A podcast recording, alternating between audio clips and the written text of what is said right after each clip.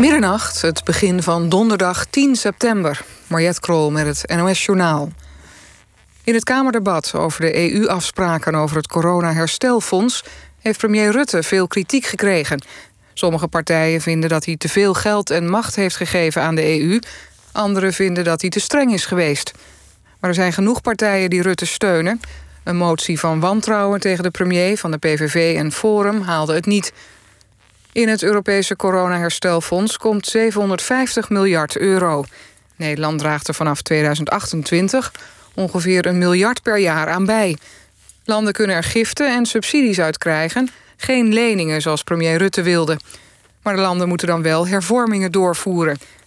Minister Hoekstra gaf in het debat toe dat hij in het begin van de coronacrisis niet genoeg begrip heeft getoond voor de problemen van Italië en Spanje. De coronacrisis heeft in Nederland grote invloed... maar Nederlanders zijn er niet minder tevreden door geworden over hun eigen leven. Volgens het Sociaal en Cultureel Planbureau geven mensen gemiddeld... een 7,9 aan hun leven. En dat is even hoog als voor de coronapandemie. Nederlanders maken zich wel zorgen, maar vooral over anderen... zoals kwetsbaren en mensen die zich niet aan de maatregelen houden. En ze zijn bezorgd over de toekomst... met name over de economie en de werkgelegenheid... Veel ouderen zijn wel eenzamer geworden, zegt het SCP. Ze hebben nog wel contacten, maar die zijn vaak korter en minder betekenisvol. Er is opnieuw brand uitgebroken in migrantenkamp Moria op het Griekse eiland Lesbos. Afgelopen nacht raakten duizenden mensen al dakloos door een aantal grote branden in het kamp. Vanavond begonnen opnieuw branden in delen die nog niet verwoest waren. Ook nu sloegen mensen op de vlucht. Buiten het kamp raakten migranten slaags met de politie toen ze aan boord probeerden te komen van schepen naar het vasteland. Het weer, vannacht koelt het af tot een graad of 9. Er kan wat nevel of mist ontstaan. De komende dag droog, af en toe zon en 20 graden. Dit was het NOS Journaal. NPO Radio 1. VPRO. Nooit meer slapen.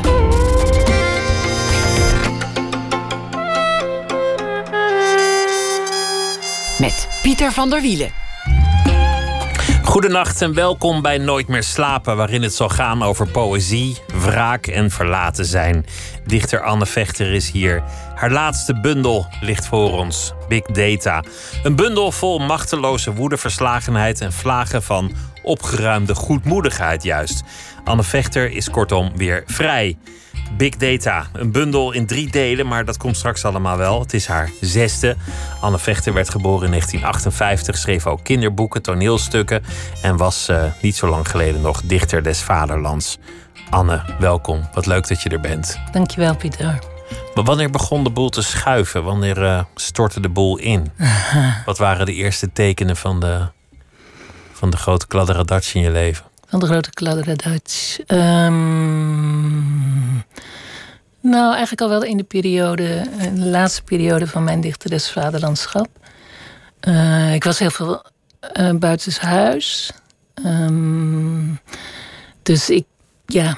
Dat is een drukke periode. Het was, was zeer doet. druk en zeker naar het eind toe werd het eigenlijk steeds drukker. Omdat ik in de laatste fase eigenlijk een soort uh, landelijk tournee hield.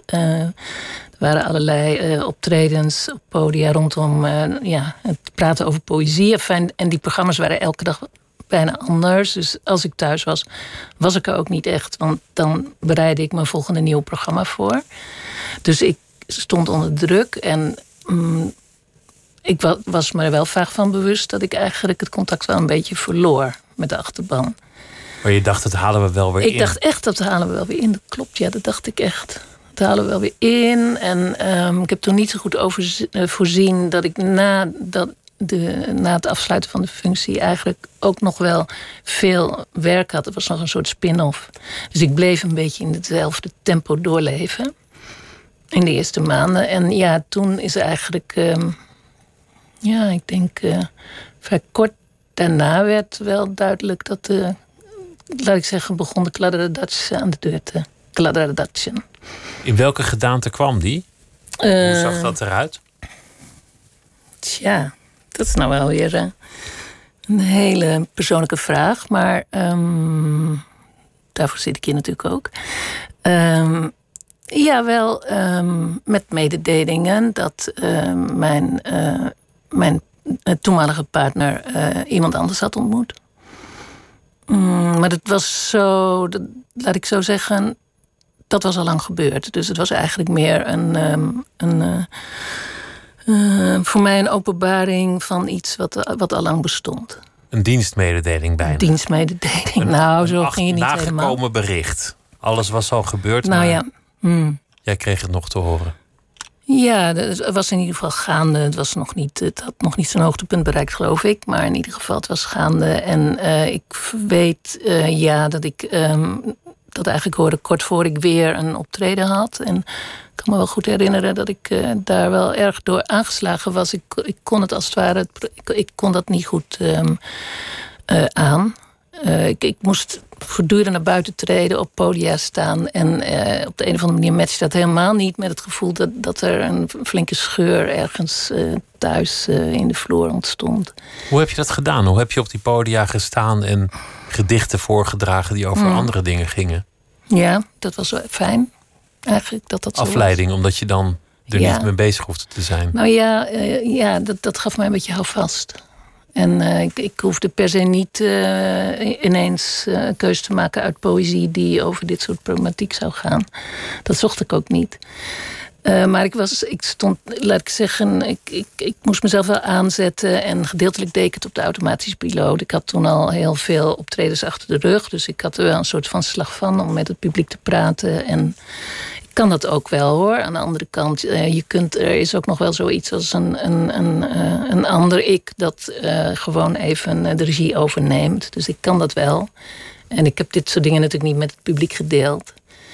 Um, maar het is, wel, het is wel ontwrichtend. Dat wel. Het is lastig. Daar kan ik me alles bij voorstellen. Daar kan iedereen zich alles bij voorstellen. Ja. Maar heel in het kort, je, je, je bent verlaten. Je, je, liefde is verliefd geworden op iemand anders. En vanaf dat moment kan je zingen, springen. Je kan gillen, je kan charmant doen, je kan nieuw parfum opdoen. Je kan boos worden, je kan dreigen. Het maakt allemaal niet meer uit. Nee, de ander is in een, in een, in een ander bewustzijn. Um, ja, ik heb het ook wel eens een beetje een verliefdheidspsychose genoemd. Um, maar die is al zoveel stappen verder. Het is ook, weet je wel, ik, ik werd op achterstand gezet, zoiets. En inderdaad, um, welke dans je ook doet. En, maar ik, ik werd vooral uh, wanhopig en woedend. Dus het lukte mij niet echt om nog een, een, een mooiere versie van mezelf te presenteren. Zeg maar. Dat zou misschien idealitair nog een beetje geholpen hebben. Dat lukte helemaal niet. Uh, nee, als de ander uh, al die stappen heeft gezet innerlijk. Um, en misschien niet eens heel concreet al voor zich uh, zag welke kant het echt op zou gaan. Maar dan is het eigenlijk, er is een wak. En, en eerst glijdt de ene in, dan de ander. Je zit wel samen in het wak. Maar er is niet veel aan te doen. Je wilde vastklampen. Je hoopte dat hij terugkwam. Ja. Je wilde niet verliezen wat je had. Nee, dat, dat, dat wilde ik niet. Nee, dat heeft een tijd geduurd. Dat wilde ik niet. Ik denk ook wel dat ik me pas later realiseerde dat ik er. Um, dat ik zo sterk het, idee, het, het, gevoelsmatig deel uitmaakte van die relatie. Weet je wel, dat ik het gevoel had dat, er, dat, ja, dat, dat, dat ik bestond uit twee wezen eigenlijk. En ineens was, er, was ik half of ik was één. Of in ieder geval, ik, ik, ik kon mijn eigen identiteit niet meer bepalen. Ik wist eigenlijk niet meer waar ik stond. Ja, het voelde wel geamputeerd. Kon je toen meteen dichten? Gebeurde dat meteen? Uh, zeker niet. Zeker niet. Nee, nee, nee. nee. Ik, kon, um, ik kon ook geen poëzie lezen. Dat was ook onmogelijk. Sterker nog, ik, ik kon zelfs poëzie niet goed meer begrijpen. Poëzie van anderen. Dus ik had eigenlijk vier jaar lang echt vrij consequent en onder hoge druk heel veel poëzie van anderen gelezen, uitgelegd aan publiek. En het ging me eigenlijk makkelijker af. Uh, in de tijd en ineens kon ik het gewoon niet meer lezen. Dus ik raakte zelf ook in een, in een, in een, een andere toestand. Um, dat vergt te veel concentratie om gedichten nou ja, ik van deed, anderen ik te verorberen. Nou, dat deed ik niet meer. Toen, ik, toen, toen mijn leven uh, voor mijn gevoel uh, ontwrichtte, uh, ging ik geen poëzie lezen. Ik, ik, zocht niet naar troost of iets dergelijks. Wat deed je dan? Want je, want je leven is optreden, gedichten lezen, gedichten schrijven. Maar wat deed je op de momenten dat je het zwaar had? Nou ja, die optredens die vielen wel mee, hè, want ik was net, die functie was, was, uh, had ik losgelaten. Dus uh, er kwamen nog wel optredens, maar, maar niet meer in die frequentie. Um, zeker niet. En dat wou ik ook niet. Ik wilde dat niet, want ik was ook wel moe en toe aan een beetje rust. Maar ja, goed, die rust was er dus eigenlijk niet. Nou, ik deed niet veel, Pieter. Geen idee. Ik zat eindeloos in de vensterbank. Uh, ik belde wel met vriendinnen. Um, ik deed niet veel. Ik ging wel eens wandelen, maar ik deed niet veel. Ik was eigenlijk een beetje. Um, um, ja, ik voelde mij uh, machteloos en, en ontwricht. Dat was je ook, machteloos en ontwricht. Heb je, heb je nog geprobeerd om iets te doen? Heb je nog gebeld of, of mails gestuurd? of serenades onder ramen? Of croissantjes gebracht? Of, of, of andere gekkigheid uitgehaald? Nou, ik heb heel veel gemaild. Eindeloos. Naar, naar het... Uh, naar, het uh, naar, naar de verlater. Precies. Uh, die ook terugmeldde, daar niet van. Um, ik, ik, heb ook wel getelefoneerd, ook, ook, ook met um, de ex. Um, ik heb heel veel gehuild. Dat wel. Dat was eigenlijk heel goed. ja, en het raar is, Pieter, eigenlijk herinner ik me niet heel goed dat eerste jaar. Dus ik denk, het is een soort afgesloten, ja, bijna ik kan het me niet zo goed herinneren. Er waren ook andere dingen in mijn leven aan de hand die aandacht vergden. Um, ik schreef ook niet, maar achteraf weet ik dat ik wel schreef. Ik schreef dus wel mails. En uiteindelijk bleek ook dat ik wel al stukken heb geproduceerd die, die ik uiteindelijk in deze bundel heb opgenomen. Waarvan um, je niet meer weet dat je ze geschreven hebt? Nee, eigenlijk niet. En um, dat is raar. Maar ik denk dat ik wel um, met het, het, het, beeld van Medea, of laat ik zeggen, die, die, die, die scène uit het Medea-verhaal, die iedereen natuurlijk kent, uh, waarin ze zoekt naar de ultieme vorm van wraak. Daar, dat waar ze de verlater het diefst mee kan treffen. Die scène waarin ze haar kinderen vermoordt, daar liep ik mee rond. Niet om mijn kinderen te vermoorden, uiteraard niet, maar wel om uh, um, dat ik al in een vrij vroeg stadium gewoon de pijn eigenlijk wilde adresseren, terugsturen. Iemand doet jou zoveel pijn, ja. helemaal gratis, krijgt er niks voor terug. En dit is natuurlijk de ultieme wraakfantasie uit de literatuur, Medea. Da daar staat ze wel onbekend, ja. Ja, zeker. En um, dus, het was, dus je kunt zeggen dat lag nogal voor de hand dat ik aan dat beeld dacht. Um, ik, ik zocht ook een personage hoor, waar ik bij zou passen. Ik, um, dus vanuit dat personage ben, ben ik toch wel, ondanks dat ik me de momenten niet meer herinner, uh, allerlei flarden gaan schrijven. Fragmenten, herinneringen. Um, heel ongeordend. En ook heel uh, ruw. Uh, ruwe diamanten, zeg maar. Nou ja, niet eens diamanten, gewoon uh, zwerfkeien.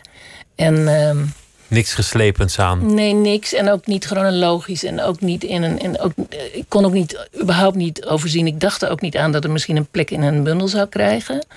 Um, dus het waren korte stukken, lange stukken, soms dialogen. Uh, ik was ook eigenlijk de hele dag, wat ik wel veel deed, was hardop praten. Ik was eigenlijk de hele dag en met mezelf en met mijn um, um, ex-partner uh, in gesprek. Ook al was hij er niet bij? Met was er niet bij. En ik sprak mezelf ook uh, in de derde persoon aan. Dus ik, ik denk, ik voelde mij wel gespleten. Ik droeg mezelf allerlei dingen op en ik praatte voortdurend hardop. Dus ja. Die sfeer is wel. Je, gek was ik wel.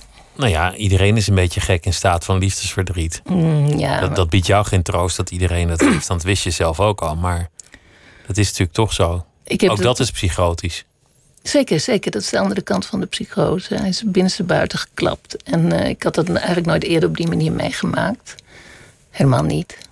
Um, ik kende deze positie niet. Ik kende wel de andere positie waarin ik uh, geliefd en had verlaten. En ik besefte wel, uh, ondanks al mijn tegenstrijdige gevoelens, um, dat ik uit, vanuit die positie niet goed heb aangevoeld hoe het eigenlijk was om verlaten te worden. Ik heb nu beseft dat dat wonden kan slaan.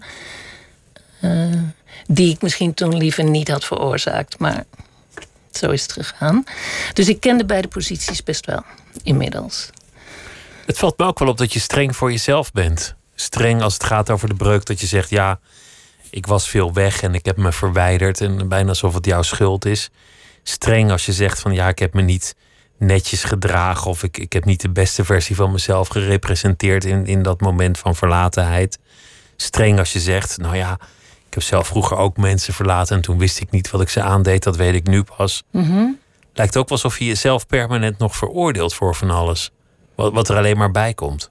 Mm, nou, misschien probeer ik. nee, ik geloof niet dat dat zo is eigenlijk. Ik denk ook, ik had dat niet. Dan had ik dit boekje niet kunnen maken. Uh, of sterker nog, dan had ik het boekje niet kunnen uh, laten publiceren. Het was uh, het moment waarop ik het manuscript um, aan mijn redacteur gaf, was ook wel een moment waarop ik durfde rechtop te staan voor mijn moeder. Zonder, zonder, daar, schaamte. zonder schaamte en zonder eventuele um, echte of onechte schuldgevoelens. nee, ik durf daar wel echt voor te staan. En... Zullen we dan meteen zo'n gedicht beluisteren? Wil je, wil je er een voordragen? En dan Mhm. misschien het, het begin van het deel van Medea. Dus dat is het derde deel van de, van de bundel. Ja. Zeker. Zo begon mijn val. Opeens voelde ik me als een olietanker die aan het einde van de wereld de afgrond induikt. En terwijl je valt, kun je alleen omhoog kijken en dat waar je het meest van hield, steeds kleiner zien worden. Als ik had geweten dat dat de laatste keer zou zijn, had ik het eeuwig laten duren. Ik hield nooit zoveel van iemand als van jou. Als ik zeventig ben, is het nog zo. Blijf alsjeblieft bij me. Ga niet bij me weg, hoor me? Blijf bij me, blijf bij me. Ik wilde champagne met je drinken. Terwijl ik danste, besefte ik dat er twee soorten mensen zijn. Degene die je dumpen en het beste wensen, zoiets als... hou je taai, word gelukkig. Jij bent er zo een. En dan de andere soort, die doet lullig. En nu vraag ik me net als jij af... hoe hebben we al die tijd samen zo kunnen verspillen? Ja, hierover moet ik wel iets zeggen. Deze is uh, zwaar geïnspireerd op een scène uit een uh, film. Um, dus ik heb die tekst. Uh, ik, heb, ik, ik, ik heb daar zelf tekst aan toegevoegd. Ik heb daarmee gespeeld met deze tekst. Maar het was wel, gaf wel. het was de toon die ik zocht eigenlijk in mijn verhaal. En welke film was dat? ja, dat was een serie uh, Casa de Papel, ken je misschien? Ja, van naam, ik heb hem niet gezien. Een Netflix-serie over uh, um, um, um, revolutionairen in Barcelona. Ja. Het is, het is wel mooi, want hier zit meteen heel veel in. Zie je me nog steeds als de, als de liefde van je leven? Hmm. Denk je nog steeds dat je tot je zeventigste daarmee bezig zult zijn? Ik denk niet dat ik het op mijn zeventigste vergeten zal zijn. Um, ik denk, ik voel me nu wel veel, um, veel meer op, op mezelf. Ik voel veel meer dat ik uit eigen kracht leef nu. Uh, ik voel me in die zin bevrijd. bevrijd ook van de angsten om um, ja, uh, alleen te zijn. Want ik heb me wel heel eenzaam gevoeld, moet ik zeggen. Maar dat is voorbij. Dus dat kan. Dat kan slijten. Um, kijk, het, het, het had niet doorgekund zoals het ging. Anders, er was wel iets anders gebeurd, denk ik. Als het niet deze liefde van hem was geweest, was er ongetwijfeld iets anders gebeurd. Um, ik, ik, ik zou niet, ja. Nou ja, nee, ik, ik, het is ingewikkeld eigenlijk, vind ik, wat dat betreft de liefde. Ik zou niet door kunnen um, zoals we met elkaar omgingen. Nee, dat niet. Uh, ik ben wel, ik geloof wel dat ik nog steeds van hem hou. Maar dat is. Um, Na zoveel jaar. Dat speelt zich niet meer eigenlijk in de realiteit af. Hè. Dat is voor een deel speelt dat zich in mijn voorstelling af. Want ik leef niet met hem, ik spreek hem zelden. Maar wij zijn natuurlijk zo lang bij elkaar geweest dat het 24 jaar is ook niet heel moeilijk om er weer een voorstelling te maken van uh, communicatie. Maar nee, ik vind het al. Ik, mijn grootste streven is steeds geweest vanaf het begin dat ik verlaten werd, dat ik, dat ik niet um, het slachtoffer zou um, voeden in mijzelf. Dat ik niet. Um, ja. Mm, mm, Kijk, het is niet zo simpel als je, als je wat ouder bent om te weten dat er. Uh, ja, om, om, om. Ja, eigenlijk. Ehm, je niet aan de kant geschoven te voelen. Hè? Op een gegeven moment, ik ben, ik ben, ik ben uh, de 60 gepasseerd. Uh, zo voel ik mij niet, zo heb ik mij nooit gevoeld. Maar tot mijn verbazing, denk ik, werd ik voor mijn gevoel aan de kant geschoven door ja, een andere vrouw. Van, uit een hele andere generatie. Gewoon voor jonger exemplaar aan de kant gezet. Om het heel lomp te zeggen. Ja, zo voel je dat in het begin in ieder geval echt. Weet je wel, de clichés die daarbij horen, die heb ik allemaal wel zo. En ook allemaal benoemd, weet je wel. Bijna, ik kwam wel in een soort groef, ik bleef dat maar benoemen. Um, maar mijn, mijn, mijn, het was voor mij heel belangrijk om. Uh, tenminste, dat had ik mij voorgenomen. Van, er moest een punt komen waarop ik gewoon met mezelf. Um, blij kon zijn, tevreden kon zijn, zonder bevestiging van iemand, zonder een partner. Uh, gewoon er kunnen zijn en ook weer aan het werk kunnen. Dat, dat stond bij mij ook wel heel hoog op de prioriteitenlijst. Weer aan het werk kunnen. En vrijheid noem je. Dat is wel interessant. Verlost van het, nou ja, van het ambt van dichter des vaderlands, van wat heel druk was. Ja. Wat eigenlijk ook tegengesteld was aan veel dingen die je gedaan had. Omdat mm -hmm. het, dat het heel veel regels heeft en uh, ja, dat er ook heel veel mensen met verlangens tegenover staan. Zonder man. Mm. Vrijheid past ergens volgens mij wel bij je. Mm. Bij degene die je daarvoor altijd was. Ja, en, en, en zeker. Zeker. Dus het is ook. Um... Ja, nou ja, hoewel ik denk. Ik heb ook wel eigenlijk altijd in een relatie gestaan. En ik denk niet dat ik de vrijheid ooit helemaal te volle heb uh, gesmaakt. Tot Zo, nu? zo- zoals ik hem nu begin te, te ervaren, eigenlijk. Ja. Dus, maar ik Wat- ben. Wat zijn de momenten dat je die vrijheid ervaart? Wa- Waaruit bestaat die? Hmm. Ja, dat is een, dat is een, dat is een goede vraag. Ehm, kijk, ik, ik, ik, ik hoef eigenlijk met niemand meer iets te overleggen. Als in eh, hoe ik mijn dag doorbreng, eh, hoe ik mijn dag indeel, eh, wanneer ik mijn werk doe. Dat, kan, eh, dat, dat doe ik niet, maar dat zou midden in de nacht kunnen zijn. Ik kan op elk moment opstaan. Enfin, ik heb natuurlijk geen reguliere baan. Ehm, maar in mijn leven met mijn partner eh, ja, bevond ik me in een gezin met de gewone rituelen van een gezin en de ritmes van het gezin. Ehm, maar op zichzelf voelde ik dat niet als een onvrijheid hoor, moet ik eerlijk zeggen. En ik heb denk ik wel een sterke tendens om vrij te zijn, vrij te denken, vrij te ehm, communiceren. Mm, maar deze, de- deze vrijheid is, dat is nog wel weer een heel ander ding. Want het gevoel van vrij zijn eh, schuurt er lang aan tegen het contrast van het gevoel van eenzaamheid. Dus het is ook het, is wel voor mij een eh, uitdaging om te leren vrij te zijn. Maar ik kan het wel inmiddels. Ja, hoe- jij vraagt iets heel specifieks. Hoe ziet dat eruit? Nou ja, ik, ik zeg van ik kan natuurlijk mijn eigen, ehm, mijn eigen dag indelen. Maar ik kan vooral, eh, ik leer vooral heel erg vertrouwen op mijn eigen gedachten en mijn eigen keuzes. Ik heb heel veel altijd ehm, bevestiging gezocht in een relatie. En dat doe ik niet meer. Ook in je werk, want, want jullie schreven allebei. Was- Was het dan ook zo dat je gedichten altijd voorlegde en liet lezen? Mm. Mm, ja. Ik denk gedichten soms wel. Eh, ik denk wel dat het steeds minder werd. En met name in de periode waarin ik dichteres Vaderlands werd. En ik eigenlijk ook heel vaak inleidingen moest houden, toespraken, weet je wel, eh, openingsteksten en dergelijke. eh, dat ik steeds meer leerde om op mijn eigen koers te varen. Maar daar is denk ik ook gek genoeg ook wel wat de breuk al ontstaan. Want het was tussen mijn partner en mij zo dat, het ook, eh, dat ik het heel erg fijn vond als hij zijn eh, ogen even, als hij zijn eh, kijker op uitsprak. Ehm, ik hechtte heel erg aan zijn commentaar. Maar ook door de druk en het tempo waarin ik moest produceren, werd, kwam daar eigenlijk steeds minder ruimte voor. Dus ik ging steeds meer mijn eigen gang.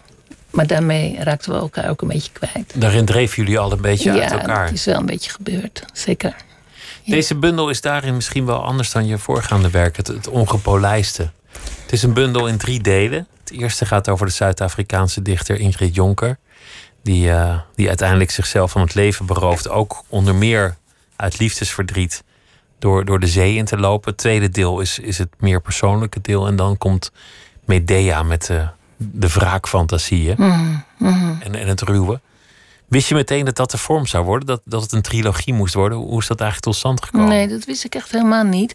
Dat eerste deel ehm, is eigenlijk een, ehm, een soort scenario. Hè? Het gaat over een bepaalde periode uit het leven van Ingrid Jonker. Dat had, ik- al in 2010 nou, 10 of 8 gemaakt. Dus dat is al lang geleden.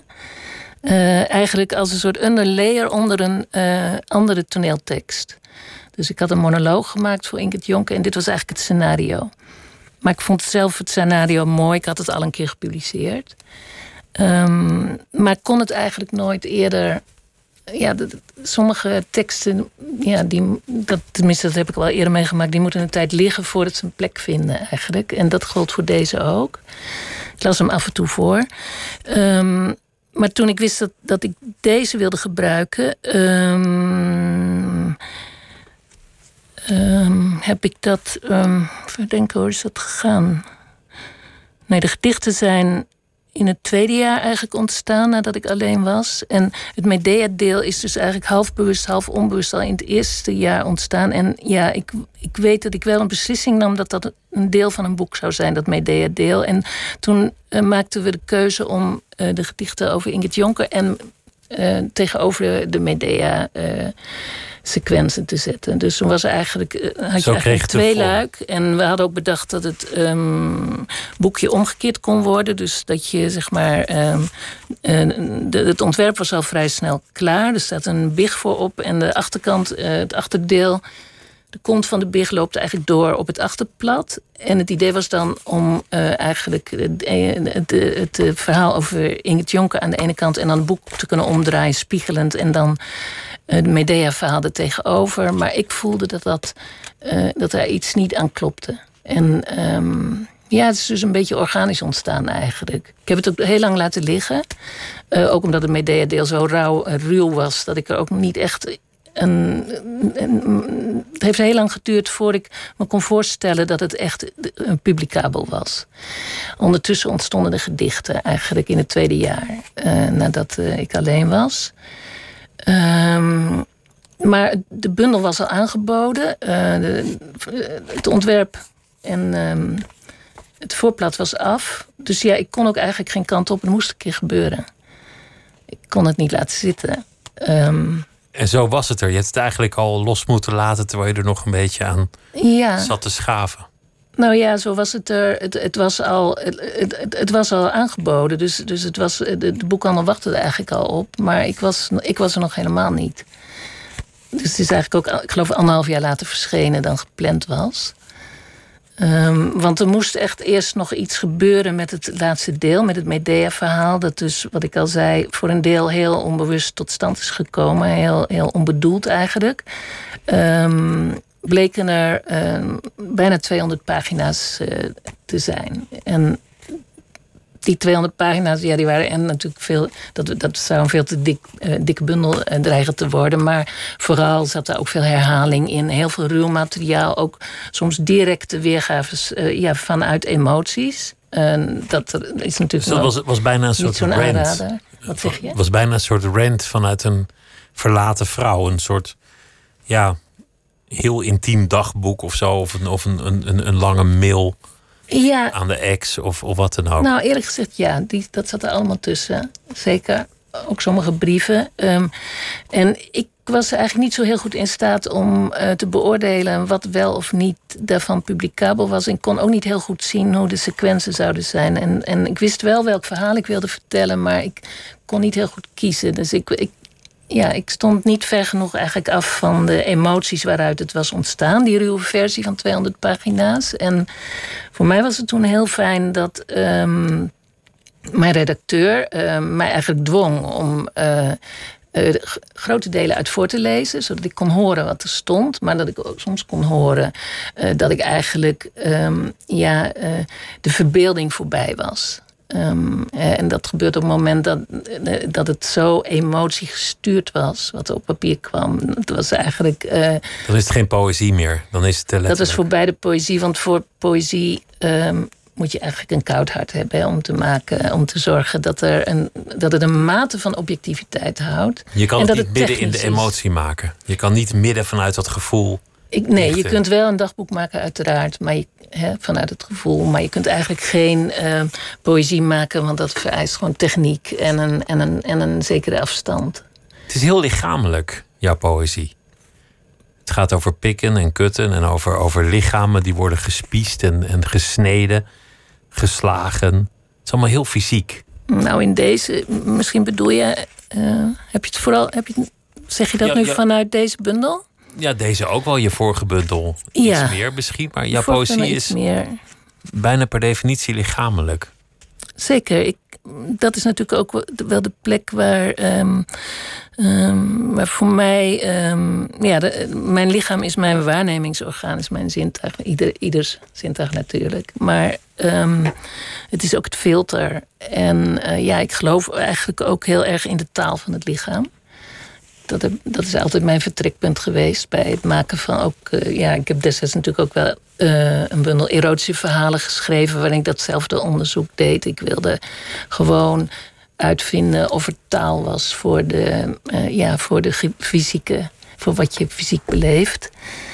Um, ja, dat was nu hier helemaal niet zo mijn uitgangspunt. Want ik leek wel uh, soms een soort. Uh, het leek wel alsof ik soms alleen maar uit een hoofd uh, bestond. Of een soort hart of een steen. Maar ik voelde mij totaal niet één lichaam. Dat lichaam wat altijd voor jou zo leidend was in je poëzie, dat, dat leek afgesloten. Ja, dat voerde ik heel anders. Dus het had ook niet die functie. Het schrijven had niet die functie om mij mijn lichamelijke gewaarwordingen terug te geven. Want ik was gewoon echt super verdrietig. En uh, toch kan je vanuit verdriet ook niet schrijven. Dus het was een exercitie om daar langzamerhand weer buiten te komen. En, is, eh, is dat met schrijven over seks net zoals met schrijven over liefdesverdriet? Dat je er niet middenin moet zitten? Ja, niet midden in de daad bedoel ik, maar ook niet midden in het gevoel? Dat je dus heel cool beredeneerd achteraf moet rationaliseren om er poëzie van te maken. Dat je het met een koud hart moet doen. Ja, wel met een koud hart, maar dat vind ik wel iets anders dan rationaliseren, eerlijk gezegd. want dan bedoel je eigenlijk ook dat je ja, bijna um, de, je gedachten analyseert tijdens het schrijven. Dat gebeurt natuurlijk nooit. Want bij poëzie is het nog altijd zo dat ook dat de taal leidend is. En dat, dat ik er althans vaak schrijvend of naar de hand meer um, achter kan komen wat ik eigenlijk probeer te veroorzaken. En ik kan nooit precies bepalen natuurlijk welke ervaring een lezer er uh, aan heeft. Maar mm, nee, ik heb, ik heb ook niet over uh, seks geschreven, uh, zeg maar eh, kort na een seksuele ervaring of zo. want het is natuurlijk, in principe zijn wij natuurlijk wel uh, makers die uh, het van de verbeelding moeten hebben. dus de emoties zijn in die zin gekunsteld. Voor wie inschakelt, Anne Vechter is hier vanwege een nieuwe bundel, Big Data. Je, je had het ook over schaamte en dat je die niet hebt. In ieder geval niet met deze bundel. Want, want je bent domineesdochter. Dus, dus mhm. een zekere mate van schaamte zou je wel vermoeden. Dat, dat die ergens in je opvoeding moet zijn bijgebracht. Um, ja, maar het, het, schrijverschap is natuurlijk ook een. een um, biedt een uitweg. Ik, ik weet niet um, of kinderen per definitie. meer schaamte kennen dan niet domineeskinderen. Dat weet ik niet. Eh, elk mens heeft natuurlijk een bepaalde mate van schaamte. Uh, maar ik heb, wel dat, ik heb wel die grenzen altijd opgezocht. Om, ik heb wel geprobeerd om mij van, van een, een, een zekere schaamte te bevrijden. Uh, mm, op zich is, is, is, is, is schaamte natuurlijk niet iets om je voor te schamen. Dat is mooi gezegd. ja, want het gaat ook over. Um, nou, soms uh, reële grenzen die bestaan. Uh, hè, keuzes om, om, om wel of niet een onderwerp op tafel te leggen. Um, en het maakt ook kwetsbaar. Um, maken van erotische verhalen maakte mij niet heel kwetsbaar, omdat ik denk ik daarin ook gewoon een, een, een, een wat gekunstelde vorm had ontwikkeld om over seksualiteit te praten. Um, ik denk eigenlijk uh, dat ik pas in mijn bundel Eilandberg Gletscher, uh, waarin dat was de bundel die ik nee, niet, het was niet de voorlaatste, maar de bundel uit 2011. Daarin heb ik een, een, een soort uh, sequentie gemaakt van hele lange um, versen. Waarbij ik eigenlijk uh, de seksuele ervaring wel probeerde op te roepen. De, en, en, en, en de gevoelens, uh, de, poging om bij elkaar te komen als geliefden. De echte, het echte samengaan en, en de onmogelijkheid, de eenzaamheid die daarbij hoort. Dat, ja, je kunt wel zeggen dat ik probeer dan tijdens het schrijven die gevoelens enigszins op te roepen, maar altijd als een regisseur. En in, weet je wel, en dus ja, daar schaam ik mij niet voor. Gaat het ook niet echt over jou? Komt het niet heel dicht bij jou? Nee, het is, het is, het is een, er, is een, er is een stem van mij die, uh, die, die iets meedeelt. En het gaat via mij. Het zijn wel verwante beroepen, dichter en dominee. Of zie je dat niet zo? Je, je, je staat op een spreekgestoelte je bedient je van het woord. Ja, maar ik ben, ik ben geen dominee. Ik ben ook nooit dominee geweest. Uh, ik denk wel dat domineeskinderen al in een hele jonge fase uh, ja, met de taal in aanraking komen, met specifieke taal. Um, ook met gedragen taal en met gekunstelde taal, soms abstracte taal. Dat wel. Uh, verder ja, je staat natuurlijk op een podium als dichter. Dat kan je vergelijken met het spreken vanaf de kansel. Maar goed, uh, acteurs staan ook op een podium. Die krijgen die vraag vaak niet. Uh, en je groeit op in een verhaal. Mm. Een religie is een verhaal. En jou, jouw vader vertelde verhalen voor de kerk. Mm -hmm. dus, dus de fantasie, ook al was het misschien in zijn gedachten geen fantasie, die was al aanwezig. De verbeelding, ja. De verbeelding. Zeker zeker. En, en, maar de verbeelding had een enorm hoog realiteitsgehalte. Um, dus ik ervaarde het gewoon als. als ja, de, de, verhalen waren. Uh, die werden mij in ieder geval gepresenteerd als. niet als verhalen, maar als uh, toestanden waarin je geloofde. En uh, daar was geen twijfel mogelijk. En er was duidelijk een verschil tussen, laat ik zeggen, sprookjes of dat wat uh, ik via de theologische opvattingen van mijn vader uh, binnenkreeg. Dat was werkelijkheid. Ja, en ik, maar ik bouwde wel een eigen fantasiewereld uh, als kind, zoals veel kinderen. Maar ik had echt een hele specifieke eigen wereld waarin ik mij terugtrok en van waaruit ik speelde. En dat zie ik veel meer als uh, zeg maar de, de cel uh, waar ook het schrijverschap ergens ontkiemd is. En die fantasiewereld die je als kind bouwde, was dat dan ook een toestand? Een, een eigenlijk werkelijke wereld? Ja, dat was voor mij best een toestand. En, eh, waar ik in en uit kon. En me daar ook wel van bewust was. Uh, dus ik, ik trok mij uh, heel regelmatig terug, ook uit het gezin. En ik had een aantal personages die ik altijd bij mij droeg. Um, ik, ik, ik, maakte deel uit van een tweeling en ik had een, een familie daar omheen gebouwd. Dus ik had in die zin eigenlijk een soort illusoire familie. En, um, dat hebben veel kinderen wel. Die denken dat ze eigenlijk dochter van de koning van Spanje zijn of zoiets. Ja, nee, zeker. Maar ik, ik moet wat. Dat, dat, Tuurlijk is dat zo. Tuurlijk, maar, maar bij jou het is ook belangrijk om een magisch, uh, nog een, een, een soort magisch geheim te dragen. En maar voor mij was het een gezin waar ik ook voor te zorgen had, wat zich echt, uh, zeg maar, uh, naast het dagelijks leven um, bevond. En waar, waar, waar, waar ik veel energie in stak. Maar dat was niet in de vorm van poppen en dergelijke. Dat was gewoon in mijn hoofd. Dus ja, ik was niet per se. Ik had geen stoornis, of ik was niet een. Ik had geen uh, meervoudige persoonlijkheidsstoornis, maar ik had het druk met mijn familie. Je, je zegt dat is eigenlijk de kiem van mijn schrijverschap. Dus, dus dat was er altijd al. Mm. Is er dan een moment geweest in je bestaan dat je voor het eerst hardop zei: Ik ben schrijver, of ik word schrijver, of ik, ik zal dichten? Uh, ja.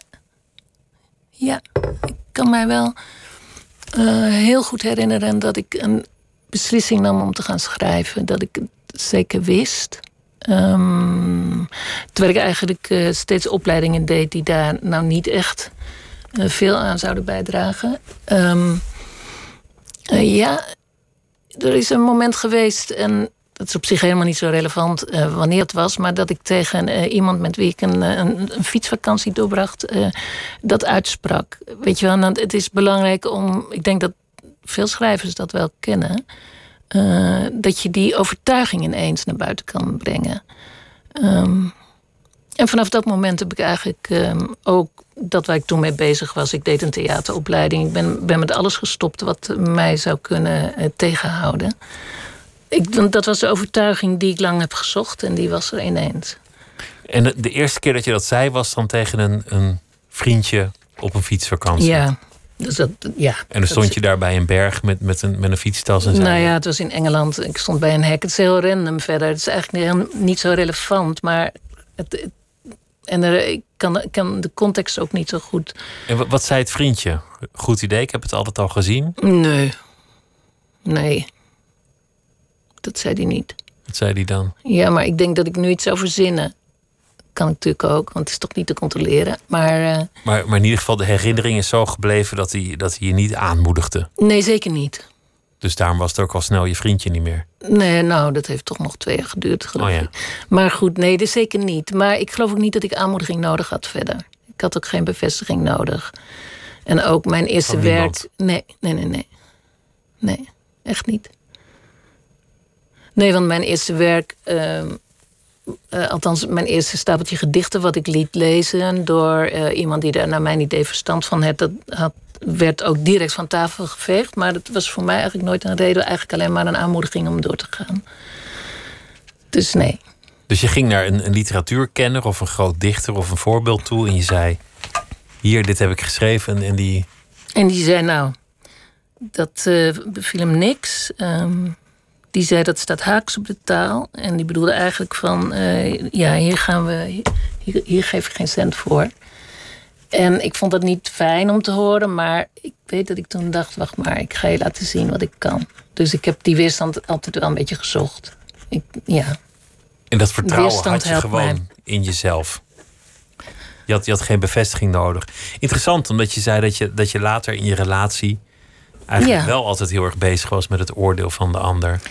Ja, meneer therapeut, dat is uh, nou ja, interessant. Ga je niet behandelen, maar het valt wel op dat dat, dat dat toch anders zat ineens. Nou ja, dat is ook gegroeid, denk ik. In een verhouding um, ja, is natuurlijk altijd een dynamiek gaande die, die, die je van tevoren niet, die je niet helemaal in handen hebt. En zeker niet als je niet met enige regelmaat samen nadenkt over hoe een verhouding uh, ontwikkelt wat wij niet echt deden. Uh, ja, ik denk dat ik, um, dat ik wel ben gaan leunen tegen mijn partner. Ik denk wel dat ik um, ja, uh, de bevestiging zocht.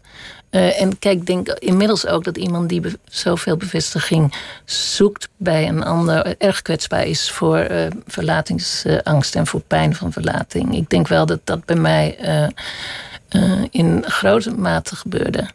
En daarom ook dat je zegt dat je nu weer vrij bent. Ja. Autonoom. Ik denk, voor mij is het uiteindelijk wel um, helend geweest om verlaten te kunnen worden. Um, want ik ben eigenlijk uh, weer zo autonoom als ik me ooit heb gevoeld toen ik besloot om schrijver te worden. Ja. Hoe was je leven daarvoor, in, in die autonomie, toen, toen je dat nog niet had? Heb, heb je rommelig geleefd, zou je dat achteraf zeggen? Mm. Ik heb wel. Ja, ik denk wel. Ik, ik, ik was wel. Ik, wist niet heel goed. Ik, ik had mijn richting niet zo goed uh, voor ogen. Ik wist eigenlijk niet precies wat ik um, wilde studeren. Maar ja, het lag erg in de lijn dat ik een studie zou kiezen. Ik was ziek geweest vrij lang. Uh, al, al vrij kort nadat ik uh, de middelbare school had afgerond. Dat was heel ontwrichtend, ont ontregelend voor mij. Um, want het had allerlei fysieke gevolgen, die waren heel slepend. En, uh, dus ik kon eigenlijk ook niet direct een opleiding doen zoals ik het voor me had gezien. Uh, en ik bleef eigenlijk een, ja. Um, ja, ik, ik, ik, ik, begon te wennen eigenlijk aan een gebrek aan structuur. Dus dat heeft zich wel een aantal jaren voortgezet. Ik bewoog me een beetje in de kraakbeweging. Je kunt zeggen, ja, dat zag er wel wat rommelig uit. Ehm, maar ik, ik, ik ben wel steady in mijzelf geweest altijd. Ik heb ook helemaal Je niet... leven was rommelig, maar jij zelf niet. Mijn leven was rommelig, maar ik stond gewoon rechtop. En ik ehm, ehm, was eh, zeer gelukkig, jarenlang. Ondanks eh, de rommeligheid, ondanks het ongemak van de ziekte. ehm, ja. Want die, die ziekte, je, je kreeg al vrij jong de diagnose MS. Wat, wat, een, wat een gruwelijke diagnose is en een gruwelijke ziekte. Die zich bij iedereen anders openbaart. Maar ik, ik kan me er alles bij voorstellen dat dat een volledig ontwrichtende diagnose was. Ja, zeker. Ehm ofschoon ik niet kon overzien. Wat, hè, in, eerste instantie weet je natuurlijk niet. En ik wilde dat wel weten. Maar hoe het zich technisch in jezelf afspeelt. Wat het eigenlijk is. Wat het überhaupt betekent. eh, eh, dat er geen informa goede, de, dat de informatie uit de hersenen niet goed in, uiteindelijk in de spieren terechtkomt. En dergelijke. Nou ja, ik, ik kon wel iets voelen. Maar ik wist het niet. Ik, ik begon wel te beseffen dat het eh, ernstig was en chronisch. Ehm, ik ben er ook wel echt van in paniek geraakt. Ehm, maar het was wel in een tijd dat het nog niet zo voor de hand lag dat iemand met een crisis waar ik wel degelijk in raakte, ook eh, goede begeleiding zou kunnen gebruiken. Dus dat was, maakte wel, als je het hebt over rommeligheid, dat ik eh, ehm, ehm, wel uit balans, zeg maar, mijn leven als eh, jonge volwassene begon. Want Maar da- dan is het ook moeilijk om dingen aan te gaan. Als je helemaal niet weet hoe je eigen lichaam zal zijn over vijf jaar of over tien jaar. Welke opleiding moet je nou volgen? Welke baan moet je aangaan? Moet je wel of niet aan kinderen beginnen? Al dat soort vragen die staan in een ander daglicht. Ja, ik heb, ik heb zeker. Ik, ik, ik denk eerlijk gezegd dat ik ook wel een, een heel sterk verdringingsmechanisme had, als ik eerlijk ben. Eh, want ik herstelde. En dat hoort natuurlijk ook een beetje bij het patroon van de MS. Dat, en, eh, het, het beweegt zich, eh, kan zich heel progressief en snel ontwikkelen. Kan ook heel traag gaan met terugvallen. Snel met terugvallen, die dan steeds ernstiger gevolgen hebben. Maar bij mij was dat eigenlijk niet zo. Ehm, dus mijn, ja, ik denk in zekere zin ehm, weigerde ik om naar de toekomst te kijken. Ik weigerde om eh, te aanvaarden eh, dat mijn leven misschien eh, veel korter zou zijn. Wat ik overigens wel eh, te horen had gekregen. De prognose was niet, niet goed. Mm, ik heb wel in, al vrij vroeg besloten dat ik. ehm, eh, mij niet wilde houden aan de regels die je eigenlijk opgelegd krijgt wanneer je zo'n ziektediagnose krijgt. Dat wilde ik gewoon niet. Ik wilde gewoon. ehm, eh, ik, wilde, ik wilde dat niet. Ik, ik, wilde, ik wist ook eigenlijk niet wat ik wel wilde, maar ik Je wilde je wilde niet, leven de- eigenlijk als een. Als een, als een, als een ehm, ik, nee, ik wilde me niet houden aan de, aan de, aan de leefregels van regelmaat, ehm, rust en dergelijke. Ik wilde gewoon leven. En, want ik was nog eigenlijk helemaal niet eh, vrij geweest zoals ik vrij wilde zijn. Ehm, eh, ik, ik, ja, ik, ik denk, ik had me in het gezin waar ik, uit, uit, eh, waar ik ben opgegroeid eh, wel teruggehouden. En ik wilde mij niet nog langer terughouden. Dus ehm, later heb ik gedacht van dat was voor mij de beste remedie. Om eigenlijk niet eh, te luisteren naar de gedragsregels die horen bij zo'n ziekte. Het dwong je om in het moment te gaan leven. Ik ben dat gaan doen. Ja. Zo heb ik het jarenlang aangepakt. Ja. Is eigenlijk wel mooi dat, dat je, ondanks een diagnose die zegt van nou ja, je moet, je gaat kort leven, je gaat moeilijk leven en je mag heel veel dingen niet en heel veel dingen kan je beter niet. Dat je, dat je eigenlijk zegt fuck it, ik ga dat leven vol aan en we Ja. zien wel. Ja, ik heb dat gedaan. Ja, dus ik, ik heb, ik heb oh, ja, in, in onzekere situaties geleefd. eh, ja, in kraakpan, eh, vaak heel